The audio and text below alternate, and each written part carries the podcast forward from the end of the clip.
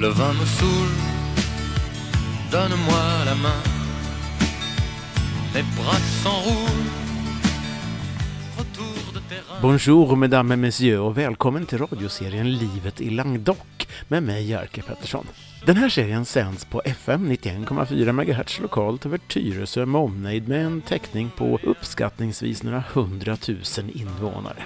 Programmet kan också höras på webben, tyresoradion.se, när som helst. Och numera finns radioserien även som podd och heter då Från Tyresö till Frankrike. Och den finns där poddar finns, som det heter. Du kan söka i din podcast-app i din smartphone eller på till exempel poddtoppen.se. Nog om detta. Nu tar vi oss an dagens avsnitt och vi ska återhöra en röst från 2018, nämligen Yvonne Tenninge från La Belle i Nefjes. Över till lilla studion där vi spelade in den 27 december 2019, alldeles före nyår.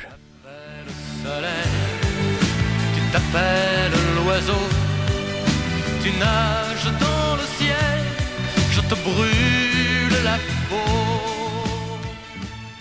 Varmt välkommen åter till lilla studion här, Yvonne Tenninge från La Belle Vie i Nefjes. Tack! Kul att vara här igen. Och att jag säger åter, det är ju för att det är faktiskt, vet du, det är ett år och en vecka sedan, precis som vi satt här senast. Och då, förra året, då var det alltså precis före jul. Och du berättade lite grann om hur man eh, firar jul i Frankrike. Frågan är, hur firar man nyår i Frankrike? Eh, utan raketer.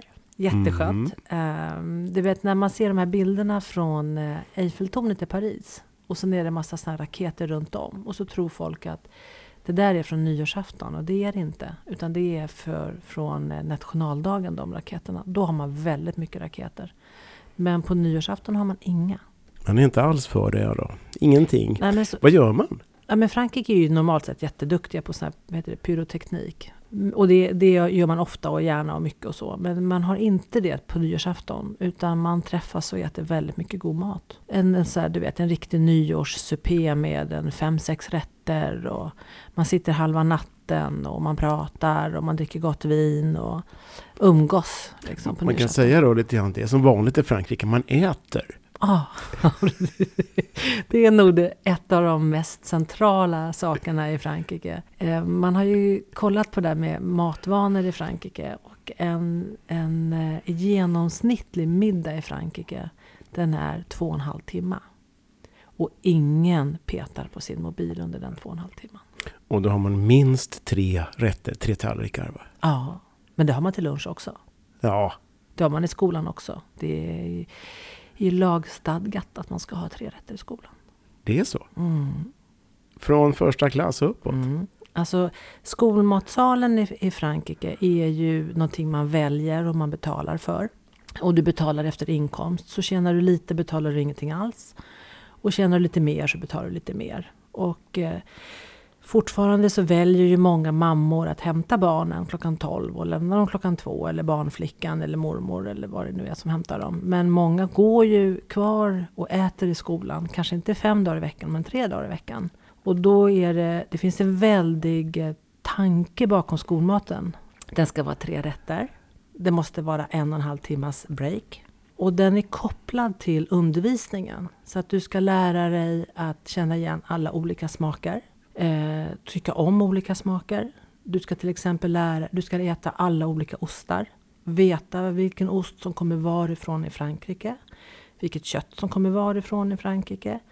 Man ska hjälpas åt att servera maten, plocka undan efter maten, man ska lära sig bordsskick. Allt det ingår i liksom skolmaten. Det är inte bara du har 20 minuter på dig, ät något näringsrikt så att du orkar eftermiddagen i skolan. Utan det är en del av undervisningen i Frankrike. Kulturen då. Den är väldigt viktig.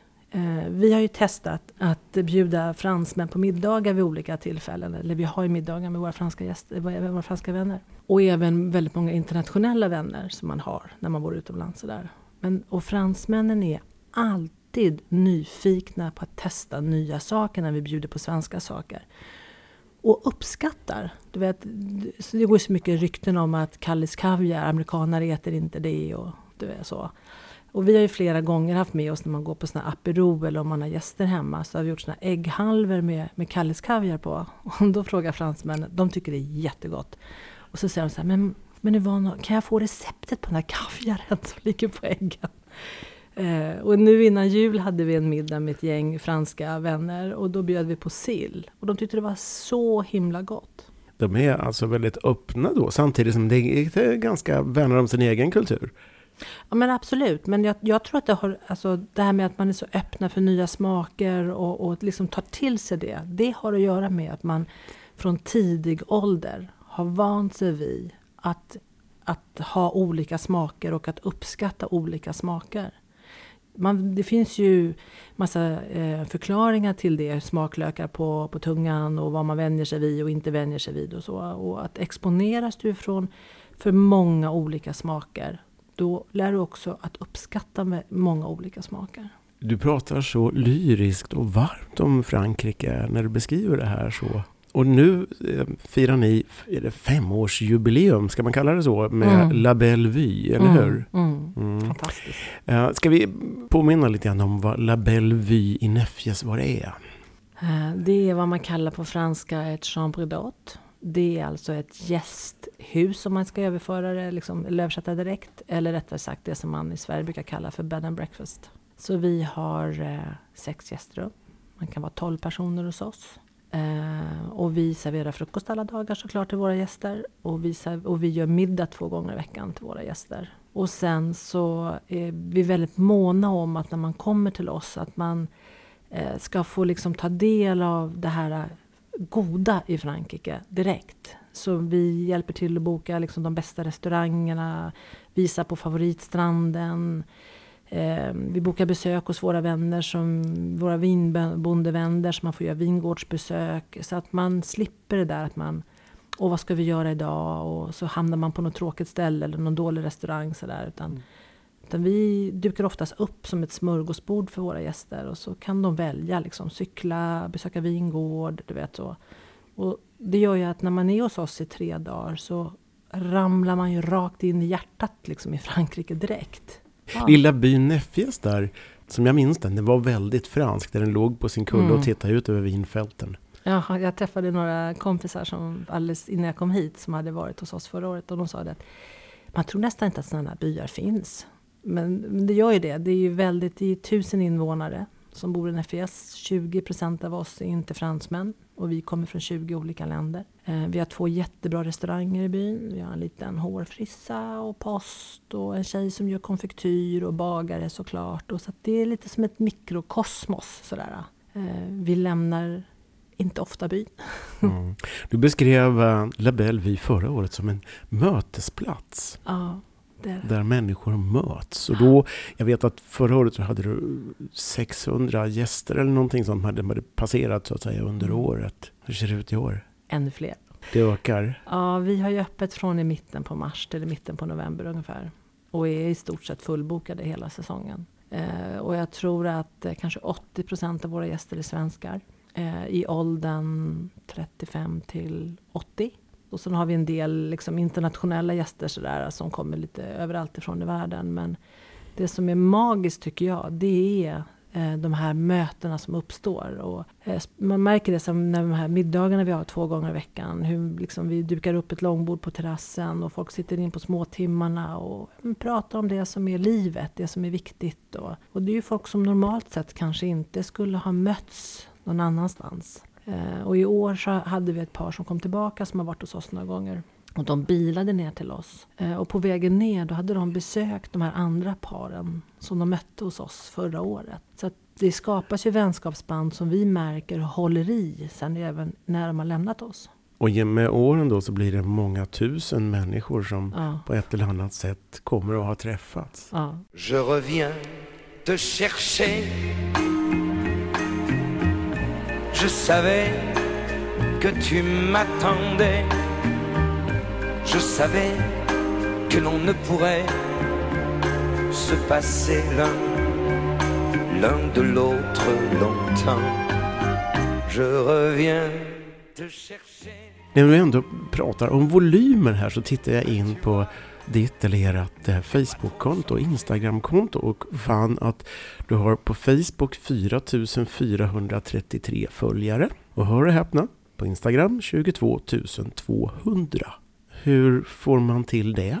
Um, jag tror att man behöver regelbundet vara där, eh, såklart. Och sen behöver man ha ett relevant innehåll. Alltså, det måste vara någonting som folk Eh, gillar att följa och läsa. Både vad det gäller bilder och texter och innehåll. Så vi gör ju inga betalda samarbeten. Eh, vi har tackat nej till det därför att vi skriver ju om vårt liv i Frankrike och det som är viktigt för oss. Sådär, så att, att betalda samarbeten känns för oss, liksom, det är inte vår grej. Jag tror folk gillar att följa livet i Frankrike och många har en dröm om att liksom hoppa av gungan och göra något annat. Och då kan man en tråkig måndag morgon på väg till jobbet läsa om mm. hur det är att hoppa av gungan och göra någonting annat. Då vi pratade vid förra året då så hade ju du en rad projekt på gång. Du brukar ha ganska mycket projekt, eller?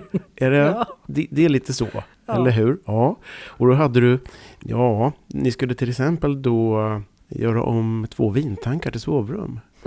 Ja, oh, vilket projekt det har varit good God, säger jag. Ibland, ibland är det bra att man inte vet hur mycket jobb det är innan man gör saker. Eh, vårt hus har ju varit ett av traktens största vinproducenter. I vårt hus hade vi fem stora betongtankar som innehöll, eller kunde innehålla 30 000 liter vin styck. 30 000 liter? Ja. Och männen i byn brukar säga till mig så här, Madame, ni måste förstå att om man var rik hade man tre tankar, ni har fem. Två har vi tagit ner helt och hållet. Eh, och väggen till den ena som då vette ut mot poolen, den har vi tagit upp ett hål som är 3,5 gånger 3,5 meter och gjort stora fönster ut mot poolen. Två av tankarna har vi tagit bort fronten på, så de två tankarna är numera två rum, privata rum, de hyr vi inte ut. Eh, och det tredje som vi nu förvarar vin i, det ska så småningom bli ett stort badrum. Ni förvarar vin i den tredje, men i flaskor då hoppas flaskor, jag? Ja, precis. Stor jättebag-in-box. eh, och så, så det är en yta som totalt sett är på 130 kvadrat ungefär. Och där kommer det att bli ett kök, ett badrum, eh, de här två privata rummen och sen en, en jättestor öppen öppen yta där de här dubbeltankarna har varit och där pressen stod och det. Som vi nu använder som yogasal och eh, vi har vinprovningar där och vi har event och fester och lite så. Det innebär att Labels vy, mm, säga, totala yta måste ha ökat ganska rejält i år. En tredjedel till, skulle jag ja, säga. det är något sånt va? Ja. Och de här rummen då, eller vintankarna, före detta vintankarna, de kan man då nå poolen direkt på morgonen när man kliver upp? Då, ja, eller? precis. Mm. Så ett morgondopp och en titt ut över, mm. då kan man snacka om La Belle Vue. Sen har vi en annan sak som du pratade om förra året. Som eh, skulle bli Studio 54. Ja, i år blir det. Idag, vi har precis faktiskt för några veckor sedan träffat musikerna och eh, kvinnan som ska, eller personen som ska eh, sjunga eh, som jag kan inte säga namnen på än för allting är inte klart. Svenska musiker? Ja, faktiskt. Och svensk sångerska? Ja, mm, mm. Okej. Okay. Fast hon kanske inte sjunger på svenska. Man får leka Alexandra Charles. Det blir så alltså? Alexandra Charles i Nefjes 2020? Mm. Mm. Mm. Och det, Studio 54 kommer att ske vid, vid poolen också då, på det planet? Mm. Eller? Det kommer vara i det här, de här 130 kvadratmeterna som jag beskrev nu. Och sen mm. hela poolområdet. round and round upside down. Boy, you turn me inside out and round and round. Instinctively you give to me the love that I need. Vad kommer bybefolkningen att säga då? De hoppar in och joinar och har kul. Vi har fått en ny kvarterspolis som sitter i byn bredvid oss. Eh, och med han bakom ratten i lilla radiobilen så behöver man ha alla tillstånd. Han är väldigt noga. Så man söker tillstånd hos borgmästaren för att ha en fest så här. Så att man liksom får, och då håller man på till ett på natten. Man kan inte hålla på så mycket längre. Eh, och sen bjuder vi in grannarna. De är ju mm. välkomna. Men du sa, det finns alltså en kvarterspolis eller en, en är det polismunicipal? Mm, precis. Eh, finns det en person för en FJ då eller? Yes. Ja, de sitter ju i grannbyn i, i Roshan och då är det en farbror där som är väldigt speciell kan jag säga. Så honom har vi haft en del diskussioner med under året. Allt ifrån att han påpekade att det var inte lämpligt att jag var ute och sprang i vinfälten med hörlurar så att jag inte hörde när han tutade på mig. till att eh, gnälla över att eh, min man Micke då ställer eh, trailern med grus som vi ska in i garaget halvvägs ut från garaget och halvvägs ut genom garaget. För det får man heller inte göra. Han har rättat gallfeber ska jag tala om för på hela byn vid det här laget. Får vi se om han blir kvar då. Han är inte så omtyckt. Du berättade också om eh, att eh, ja, du sa så här, vi har ett hemligt projekt. Och då undrar jag, är det fortfarande hemligt? Ja, därför att jag inte hunnit med och realisera det. Det lilla projektet är fortfarande hemligt. Då fortsätter vi ha det hemligt till nästa år va? Mm. Mm, mm, då kommer det då istället. Sen var det också så här att eh, du har eh, böcker på La Bellevue. Mm. Berätta om det. Det, fanns, det finns ett hotell inne i stan som, jag, som är jättefint och som jag var jätteimponerad när jag hörde att de hade en kurerad bokhylla. Alltså någon som väljer ut böcker till deras gäster. Och så förra året så hade vi ett gäng tjejer som var nere hos oss över en helg. Och så en av tjejerna driver en PR-byrå som heter Kult PR. Hon, eh, jag berättade för henne om det här, för det är en kultur-PR-byrå som hon driver. Så sa jag, så där skulle jag också vilja ha det. Jag undrar hur man kan göra det. Och då säger hon till mig, det är jag som gör det där. Så att då har hon hjälpt oss att under året så har vi varje månad fått ett bokpaket. Så att de väljer ut böcker som de tror, eller jag får, ett, jag får en lista på en 10-12 böcker. Så får jag välja från den listan varje månad på böcker som skulle intressera våra gäster. Så i år hade vi två eh, så här, riktigt tunga kulturjournalister som var nere hos oss. Som, en var bokrecensent och den andra höll i ett kulturprogram. Och när de kom så sa de så här, har du prickat in varje bok som har varit på Babel sista året? Så pass? så pass. Så då kände jag så här, nej jag kan inte ta åt mig äran utan vi har fått hjälp med det faktiskt. Men det, jag, jag tycker att det är, det är härligt att kunna erbjuda våra gäster liksom kvalitetslitteratur. Eh, då kan de ligga vid poolen och läsa och vill man sen fortsätta och man inte läser ut boken så kan man antingen, ja man kan låsa den med den hem och så skicka ner den till oss eller så köper man en fortsättning på boken hemma. Eh, jag har hunnit läsa en bråkdel av alla fina böcker. Men, men det känns ändå... Jag vill att La Bellevue ska vara mer än ett ställe man kommer ner och sover på och åker därifrån. Förra året så lanserade du också begreppet working guests, alltså arbetande gäster blir Mm. det ju översatt Mm. helt enkelt. Hur funkar det? Och det har varit så himla bra. Vi har ju haft eh, ett gäng tjejer, kvinnor, som har varit nere hos oss, hos oss i år. Och de har stannat ungefär tre veckor. Och sen har man skött frukosten, eh, våra lakan som är lite speciella. För vi har ju bara såna här gamla linnelakan med, som är handbroderade och, och som vi soltorkar och tvättas med speciellt tvättmedel och, och manglas. Så, så de har skött liksom lakanen, frukosten och så har de vattnat blommor. Och sen har de haft resten av dagen. Så de jobbar kanske fyra, max fem timmar om dagen. Och sen har de haft resten av dagen när de har kunnat göra vad de har velat. Och så får de mat och husrum. Ja, hur många working guests har ni haft genom året? Ja, vi kanske hade sju förra året. Och i år ska vi ha nio. Ja, alltså 2020 då, kommande. Ja, precis. mm. Nio stycken. Mm, och då stannar de som sagt då i tre veckor. Och det ger er lite avlastning också från arbete.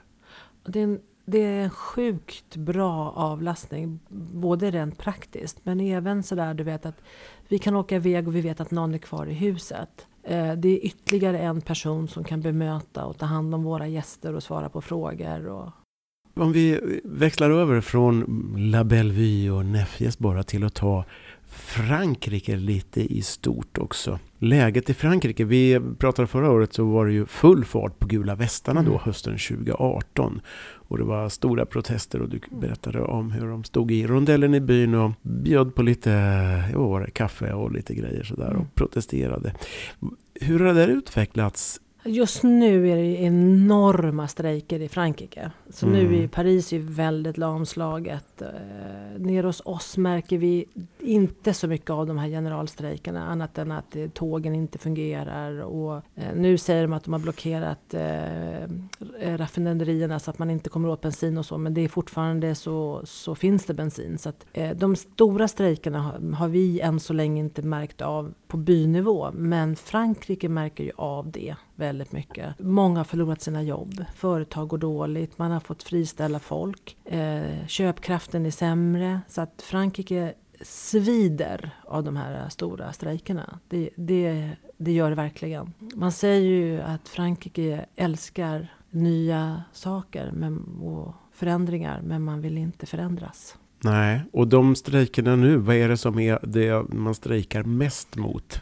Det är ju pensionssystemet som man har i Frankrike som är ett täcke. Alltså du kan tänka dig så här, varje yrkeskår, fackförening har sitt avtal. Eh, vilket innebär att du kan inte, och när du kommer upp lite i ålder, så kan du inte byta, eller du kan byta jobb, men om du byter jobb i ålder från till exempel ett privat eh, till ett statligt, eller framförallt från ett statligt till ett privat, då förlorar du all den upparbetade poängen som du har. Så dels låser det in folk i arbetslivet och dels så är, vilar det på väldigt gamla grunder. Så du kan ju i vissa yrken gå i pension från du är 52. Och även om den normala kanske är att man går runt 62.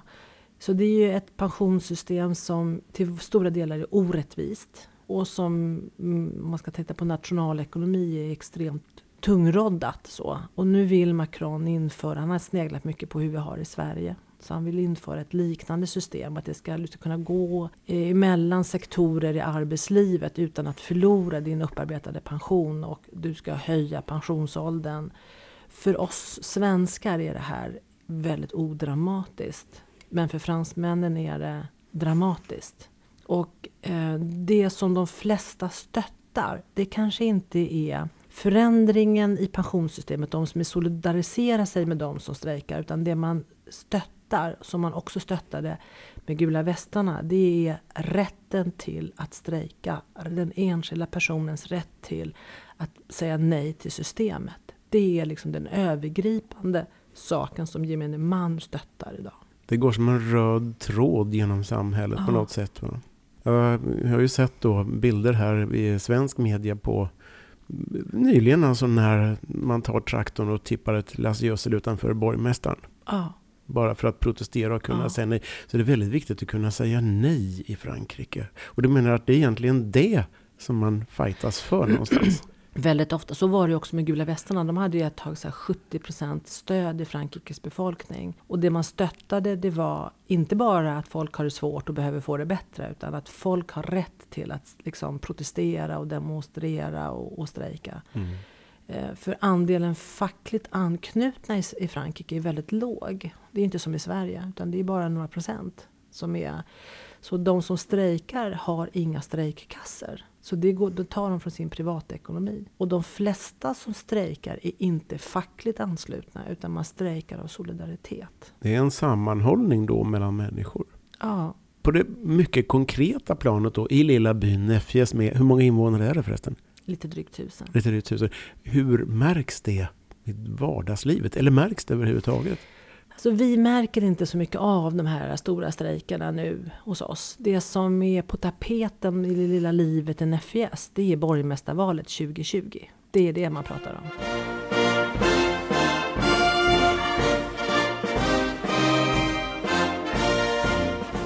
Och då ska det alltså till en ny borgmästare? Eller kan den gamla väljas om? Ja, han vill inte väljas om. Men däremot så är hans liksom gäng väljs, vill väljas om. I, I Frankrike är det så här att om man är fler än drygt 800 i en by, då är det inte längre personval, utan då är det, då väljer man en så kallad lista. Och storleken på den listan, den är avhängigt hur många som bor i byn. Så att i vår by så måste man ha 15 personer på listan. Du kan inte kryssa i och kryssa ur som du kan på en lista i Sverige. Du vet, du kan kryssa i någon eller kryssa ur någon. Utan här så måste du välja hela listan. Och varannan person på listan måste vara kvinna och varannan person på listan måste vara man. Och vi har haft samma borgmästare i tre valomgångar. Man sitter i sex år. 18 år. Mm, så han har varit borgmästare 18 år. Han kommer inte ställa upp som borgmästare men han finns med på listan. Så. Och sen förra valet så finns det en utmanarlista i byn. Så vi har två listor man kan rösta på i byn.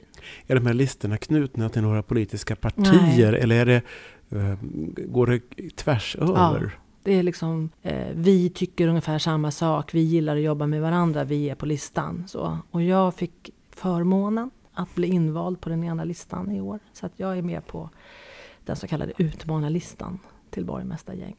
I, Frankrike så är man har inte så starka partier som vi har i Sverige. I, Sverige så får man partistöd från staten. Och partierna håller över tid och sen går liksom personer ut och in i partierna. I Frankrike är det precis tvärtom. Utan det är personerna som bildar partier. Så partier kommer och går. Det är därför som Macron bildade sitt parti och kunde liksom bli vald. Och, och för det, det, partiet fanns ju inte innan. Så partier är liksom flyktiga på ett helt annat sätt. För de har inte partistöd utan det är personerna som får stödet. Det där är en väldigt viktig skillnad då med Sverige. För där har vi partier som ska välja en ordförande. Men i Frankrike, som du säger då, tvärtom, så är det individen, människan, i det här fallet Macron, ja. eller den som då vill, ska bli borgmästare i mm. Nefjes, som sen som sätter agendan så att ja, säga. Så det, det, på så vis blir Frankrike ett ganska individualistiskt land. Det är ju det. Det är ju mm. superindividualistiskt mm. Frankrike. Samtidigt som sammanhållningen då, som vi pratade om nyss, är ganska hög. Ja. Det är eh, i större städer, då finns det tydligare partitillhörighet i de här listorna. Men i mindre byar så gör det ju inte det. Utan vi, i det här lilla gänget vi finns i nu, ska då kampanja i, i Nefjes fram till borgmästarvalet då, som är i början på mars. Ja, så du ska ut och knacka dörr. Knacka dörr mm. och... Mm. Blir bra praktiserande av franskan då? Ja, precis. Det är skitsvårt. Alltså, jag sitter på de här politiska mötena vi har och vi är då 15 personer. Eh, och liksom, du vet, när, när fler börjar prata, för det första så pratar man ju om saker och med ord och, och så på ett sätt som man inte är så van vid i vardagen. Eh, och sen börjar de prata så här, du vet, när, när tre stycken håller igång tre olika konversationer i, i en grupp i ett rum, men då då är det jättesvårt för mig att, att, hänga med. Sådär. Eh, och mitt ansvar, i, jag har fått ansvarsområden och det är integration och eh, näringsliv eller ekonomi då i FES. Mm, integration då av mm. i, i inresta, nyanlända i Languedoc? Ja, nyanlända från andra länder och nyanlända eh, fransmän. Liksom. Det kan ju både vara eh, mm. parisare som kommer ner eller ja, svenskar eller australienare eller vad det är som kommer till den här festen. Alla som kommer då ska fatta hur det funkar. Mm. Mm.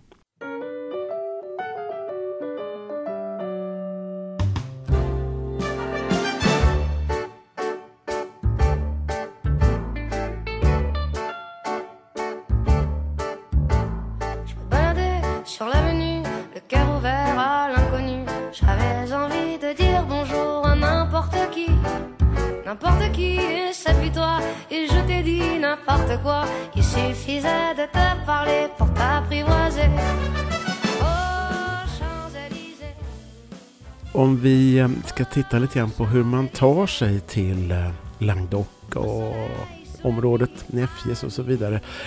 Ja, det här med resor, då, då händer det en grej. Vi, vi kan väl säga så här, många svenskar har ju eh, bosatt sig mm. där nere. Och mm. har ett andra hem eller kanske ett första hem. Och har vant sig vid att det finns en flyglinje som Ryanair har stått för. What is Ryanair service FR 1491 going to Bezier Airport? Och så helt plötsligt nu i december så dök det upp att nej, den läggs ner. Mm. Helt enkelt, rakt av. Och jag vet att du reagerar på det där och jag tror du tog väl kontakt med vår... Ja, precis. Eh, VDn på Skavsta. VDn på Skavsta, ja. Och vad sa de då? Eller han eh, eller hon? Han, eh, eh, han var lika förvånad som vi med att, att Ryanair gjorde det här draget. De hade inte räknat med det för flygningarna till, Ryanair, eller till Bessie har ju varit smockade. Liksom. Eh, utan man säger ju att det beror på eh, att de inte har kunnat köpa tillräckligt många av det här Boeing 737 Max som man kanske ändå inte vill flyga med just det planet. Nej, just det. Eh, men eh, så de drar väldigt plötsligt ner och de hade ju gått ut med och börjat sälja biljetter så vi har ju gäster som hade redan köpt biljetter och fick liksom återbetalning av det här. Tittar jag för våran del på våra gäster så merparten av våra gäster kommer inte med den, det flyget. Eh, utan man, det finns så många olika vägar att ta sig ner. Så idag kommer folk med alla möjliga vägar. Så. Mm och ta sig ner. Och vi har ju, från oss så är det ungefär en halvtimme till Béziers. Men det är 45 minuter till Montpellier.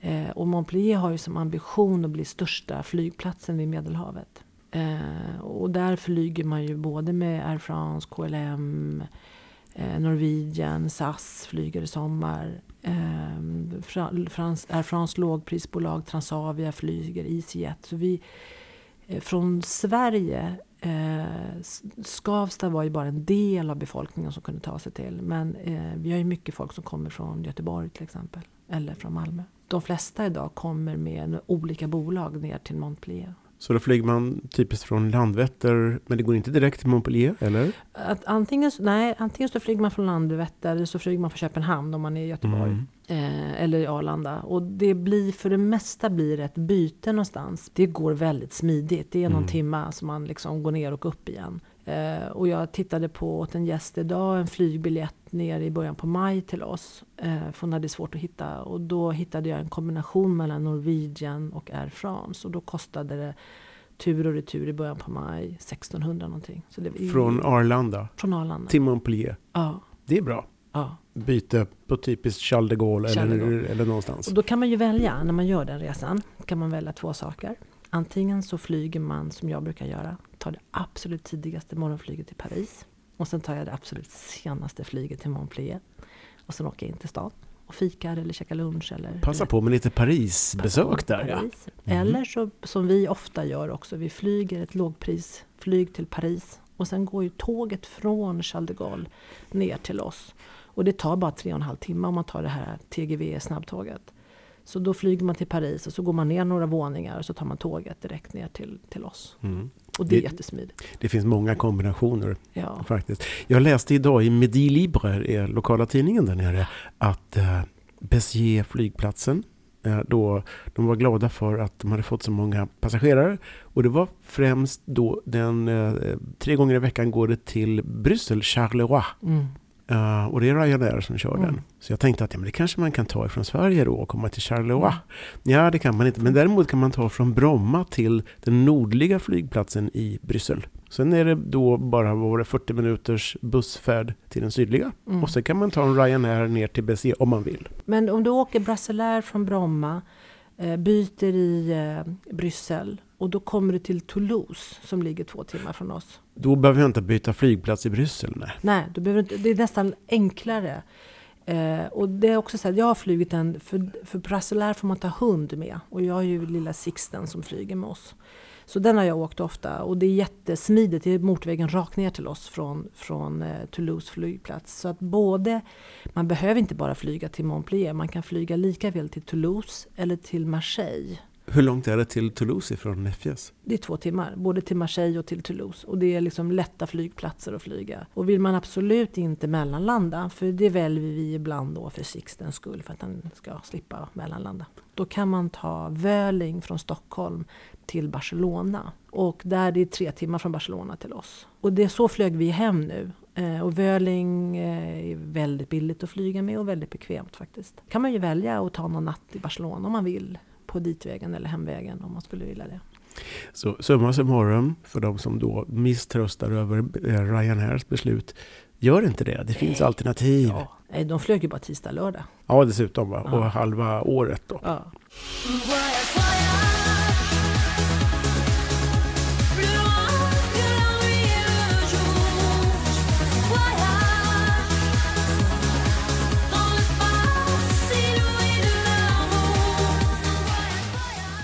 Du, en annan sak som vi pratade om förra året också var det här med digitaliseringen. Vi har ju Swish till exempel och du berättade då att nej, Madame i byn hon kunde bara inte tänka det går inte att ha Swish och sådana saker. Så hur går det med digitaliseringen i Frankrike undrar jag? Eh, Det har precis kommit en app som ska fungera som Swish. Men det är ju ungefär en bråkdel som är anslutna till den, så den funkar ju inte. Därför fransmännen vill ju inte ansluta sig. Jag menar, tänk dig själv att du ska ha en app så du kan föra pengar fram och tillbaka. När fransmän inte ens vill betala med kort för att de inte vill vara spårbara, utan de tycker kontanter är bra. Det ligger inte riktigt för den franska folksjälen att eh, vara digitaliserad. Och jag tror att det beror på eh, tre saker. Det ena är den franska själen. Andra är att man, kom ihåg att man införde det här franska internetet som kom före internet som statliga, som staten i Frankrike, jag kommer inte ihåg vad det hette. Ja, du tänker på Minitel? Minitel, ja. Och sen havererade det ju. Mm. Eh, och dels så tycker fransmännen så här, ja, men det där är ju ingenting, det funkar ju inte. Men också så kom man efter i den digitala utvecklingen i och med att man hade ett system som man hade implementerat som inte funkade. Eh, Så man kom efter internetutvecklingen väldigt mycket. Och det tredje är, som är väldigt påtagligt, är att Frankrike har varit ett ockuperat land för inte speciellt länge sedan. Och det märks på väldigt många olika sätt. Och det märks framförallt att man inte vill vara registrerad. Så man är inte på Facebook och Twitter och Instagram i samma utsträckning. Man, eh, eh, man, man tycker vi är jätteundliga som har personnummer och är registrerade och spårbara. Man vill inte vara spårbar i Frankrike på, alls på samma sätt. Du vet att i, i vår by så eh, det finns många som bor kvar i, i vår by som levde under ockupationen. Men, de, men det finns ju definitivt barn till de som levde då. Och för eh, några månader sedan så firade man ju årsdagen av när Nefes blev fritt. Och det, det berörde mig så djupt. Jag kom också ifrån en resa där jag var med mina barn i Auschwitz. Eh, så jag var också påverkad, det låg så nära den upplevelsen som jag hade på Auschwitz. Eh, och sen så någon månad senare så var vi med om den här, när man firar. Det är väldigt allvarligt. Det är väldigt allvarligt. Och då är det ett gäng eh, veteraner som går med flaggor genom byn. Och då går de från by till by till by i den ordningen som de blev liksom fria. Eh, det finns hus i byar runt omkring oss som kallas för tyskhus. Vi har inget sånt i Nefjes, men det finns hus i byar eh, som kallas för tyskhus som har stått osålda. Oftast var det så att tyskarna kom och, inte och tog över det finaste huset i byn. Så bara skickar man ut folk och så blev det deras högkvarter. Och efter eh, ockupationen var slut, sen har de här husen stått osålda fram till idag. Därför det är ingen som har velat köpa de här husen, för det är ett tyskhus. Så eh, när vi hade den här dagen, då är ju borgmästaren med och polisen är med och veteranerna är med och byborna sluter upp. Då känner man verkligen eh, sorgen, smärtan, hur tungt det var för dem under de här åren och hur mycket det lever kvar, alltså levande i fransmännen. Och då förstår man att ja, men man har kvar det där högtalarsystemet i byn. Det är ju jäkligt pålitligt för man hör ju att det är borgmästaren som ropar ut. Det är inga fake news. Han pratar ju flera gånger om dagen. Det är också ett system som man använde under ockupationen för att sända hemliga budskap, eller kodade budskap till byborna. Det är liksom pålitligt. Och man fattar också varför de inte tycker att personnummer är bra och att digitaliseringen tar tid. Chanson juste pour toi. Chanson un peu triste, je crois. Trois 20-20 års projekt då. Vi har ju identifierat det här hemliga som du inte kan säga. Och sen har du Working guests. Är det något mer på gång? I La Bellevue, Nefjes. Massor. Eh, vi håller på att eh, ta fram en liten klädkollektion till oss. Vi kommer att sy av det här. Eh, jag älskar ju de här antika linnetygerna som jag eh, Idag så växtfärgar jag ju dem. Jag använder ju av det som blir över i vårt kök som avokadoskal och lökskal och ja, blommor vi haft på rummen så där som använder jag. Och så på vintern så växtfärgar jag de här tygerna med det och syr saker själv av det. Men nu så håller jag på tillsammans med en, en tjej eh, att ta fram en kavaj, en skjorta, ett par byxor och en klänning. Som sys då av de här gamla antika tygerna. Haute couture. Haute couture, ja precis. Jag hade ju en dröm om att jag skulle bli designer i Paris när jag var ung. Det var därför jag hamnade i Paris då. Men jag blev designer i Nefjes istället. Så det blir La Bellevue kollektion. Ja, precis. Eh, vi tittar på att ta fram en, en eh, husdoft till oss. Alla som kommer till oss säger så här, "Åh, det luktar så gott, vad är det som luktar? Och det är en blandning mellan våra eh, lavendeltvättmedel och jag menar, det vi använder i, huset såklart. Så nu håller vi på att hitta om man kan hitta det i en doft så man kan ha ett doftljus och ta med sig hem. Kan det bli en parfym också? Ja, det Eller? kan bli en parfym. Eh, jag vill gärna kunna ha såna här, du vet, eh, på rummet när man kommer att det finns schampo och balsam och så. Eh, och då vill jag inte ha de här små plastflaskorna som är engångsflaskor som man slänger. Utan jag vill hitta ett sätt som är lite mer ekologiskt hållbart. Eh, med samma doft. La Bellevue växer som be, be, benämning och begrepp helt Mm. enkelt. Från en chambre d'hôte till en klädkollektion. Och sen har vi fått, vi har fått så många som vill att vi ska skriva en bok. Så Jag tillhör en av dem. Tack.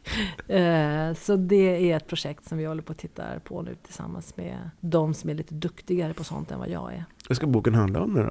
Livet på Lavellby. Eh, Mm. Ungefär som vårt Instagramkonto med bilder och texter om vårt liv där nere. Men också, vi får mycket förfrågningar om våra recept. Vi gör ju en egen granola och vi gör en del smoothies och vi gör ju den här molfritt-middagen och vi har en eh, crème brûlée vi gör och en tiramisu som folk vill ha recept på. Så, här. så jag tänker att vi ska dela med oss av de här recepten som vi har nere hos oss på Lavellby. Mm. Våran eh, fikonmarmelad och Så det här lät gott hörru. Mm. Mm. Det skulle nästan duga som en nyårssupé va?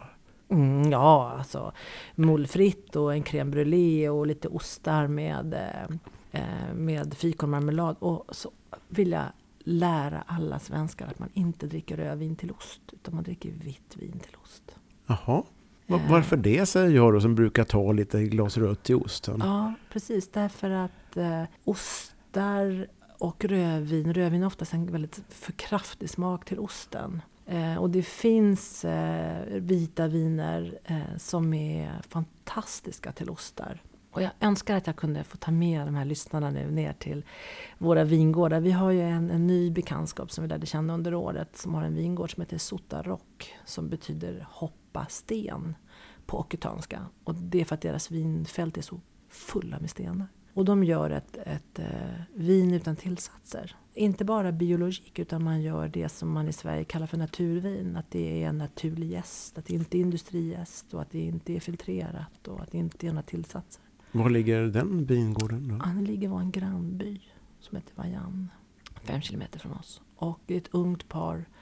Hon är från Italien och han är från Frankrike. Och de har rest runt i världen och jobbat på många olika vingårdar. Och flyttade ner hit för ett par år sedan.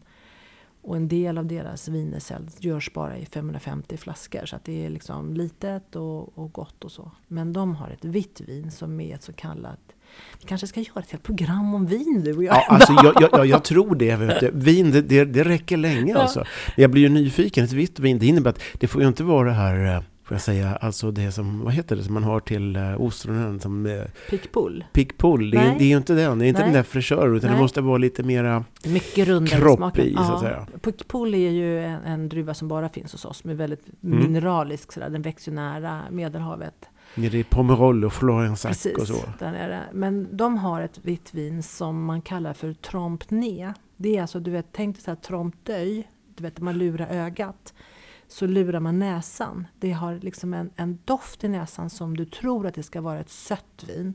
Och när du dricker det så är det absolut inte sött utan det är ett liksom mjukt, runt eh, med mycket smaker sådär, som händer. Smakrikt. enkelt. Smakrikt Mm. vin. Eh, fantastiskt gott. Då tar man gärna en, en bit ost till då. Ja. Av alla dessa ostar som finns i Frankrike. Mm. Ja, och nere hos oss, alla ostar kommer ju från så många olika regioner, men nere hos oss så har vi mycket, vi har ju inte så mycket kossor hos oss, för all mark är ju vin på.